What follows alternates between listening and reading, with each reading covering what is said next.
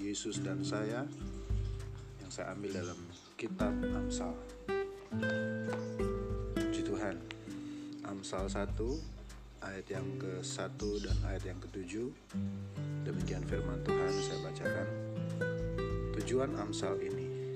Amsal-amsal Salomo bin Daud, raja Israel, untuk mengetahui hikmat dan didikan, untuk mengerti kata-kata yang bermakna, untuk menerima didikan yang menjadikan pandai, serta kebenaran, keadilan, dan kejujuran, untuk memberikan kecerdasan kepada orang yang tak berpengalaman, dan pengetahuan serta kebijaksanaan kepada orang muda. Baiklah orang bijak mendengar dan menambah ilmu, dan baiklah orang yang berpengertian memperoleh bahan pertimbangan untuk mengerti amsal dan ibarat, perkataan dan teka-teki orang bijak. Takut akan Tuhan adalah permulaan pengetahuan, tapi orang bodoh menghina hikmat dan didikan. Saudara yang kasih Tuhan, kita masuk di dalam program Glory Day yang berjudul Yesus dan Saya dan kita mempelajari dari kitab Amsal pasal yang ke-1 sampai ayat yang ke-7 yang sudah kita sama-sama mendengar.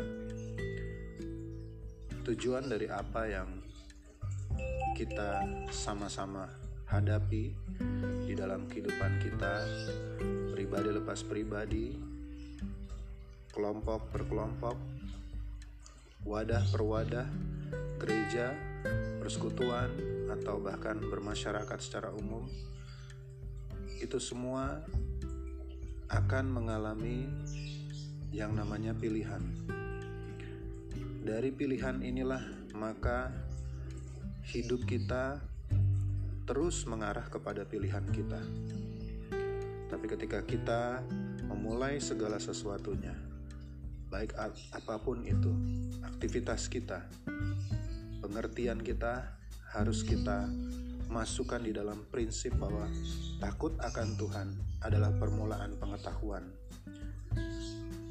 Jika Tuhan memberikan hikmat bagi kita untuk kita memiliki roh takut akan Tuhan, maka yang kita jalani kehidupan kita sehari-hari itu berdasarkan kita takut akan Tuhan. Takut untuk melakukan tindakan-tindakan dosa itu adalah hal yang terpenting dari segala sesuatunya. Karena bicara tentang dosa itu adalah bagaimana cara arah, bagaimana caranya Allah menghubungkan kita dengan Dia. Tanpa dosa, Allah akan berinteraksi dengan kita. Tapi ketika manusia dipenuhi dengan dosa, maka dosa itu akan memutuskan hubungan kita dengan Allah.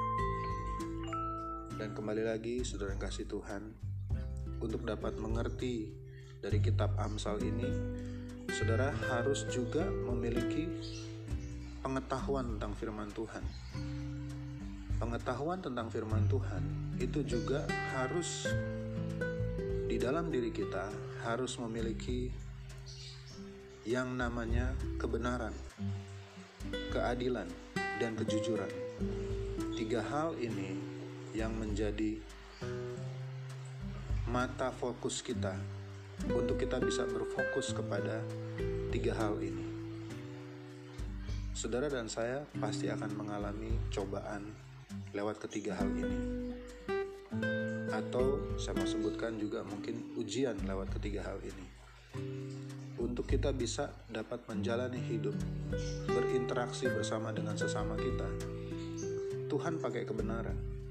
Tuhan juga pakai keadilan dan Tuhan juga pakai kejujuran. Ketika saudara dan saya sudah mengalami kedewasaan rohani, saudara akan diberikan pengertian tentang kebenaran, keadilan, dan kejujuran. Karena dari ketiga hal ini, Tuhan akan membenarkan kita. Dalam damai sejahtera yang besar lewat dikerjakan oleh Roh Kudus, Tuhan akan membenarkan kita lewat apa? Lewat kebenaran yang sudah kita terima. Lewat keadilan di dalam kehidupan kita, lewat kejujuran di dalam tindakan kita kepada sesama. Jadi mari saudara dan saya saya mau menghimbau atau saya mau mengajak saudara dan saya untuk kita sama-sama memberikan respect kepada firman Tuhan. Atau saya juga mau mengajak saudara untuk menjunjung tinggi firman Tuhan. Karena dari ketiga hal ini, ketika kita memakai pengertian tentang takut akan Tuhan, hidup saudara dan saya secara berkeluarga, secara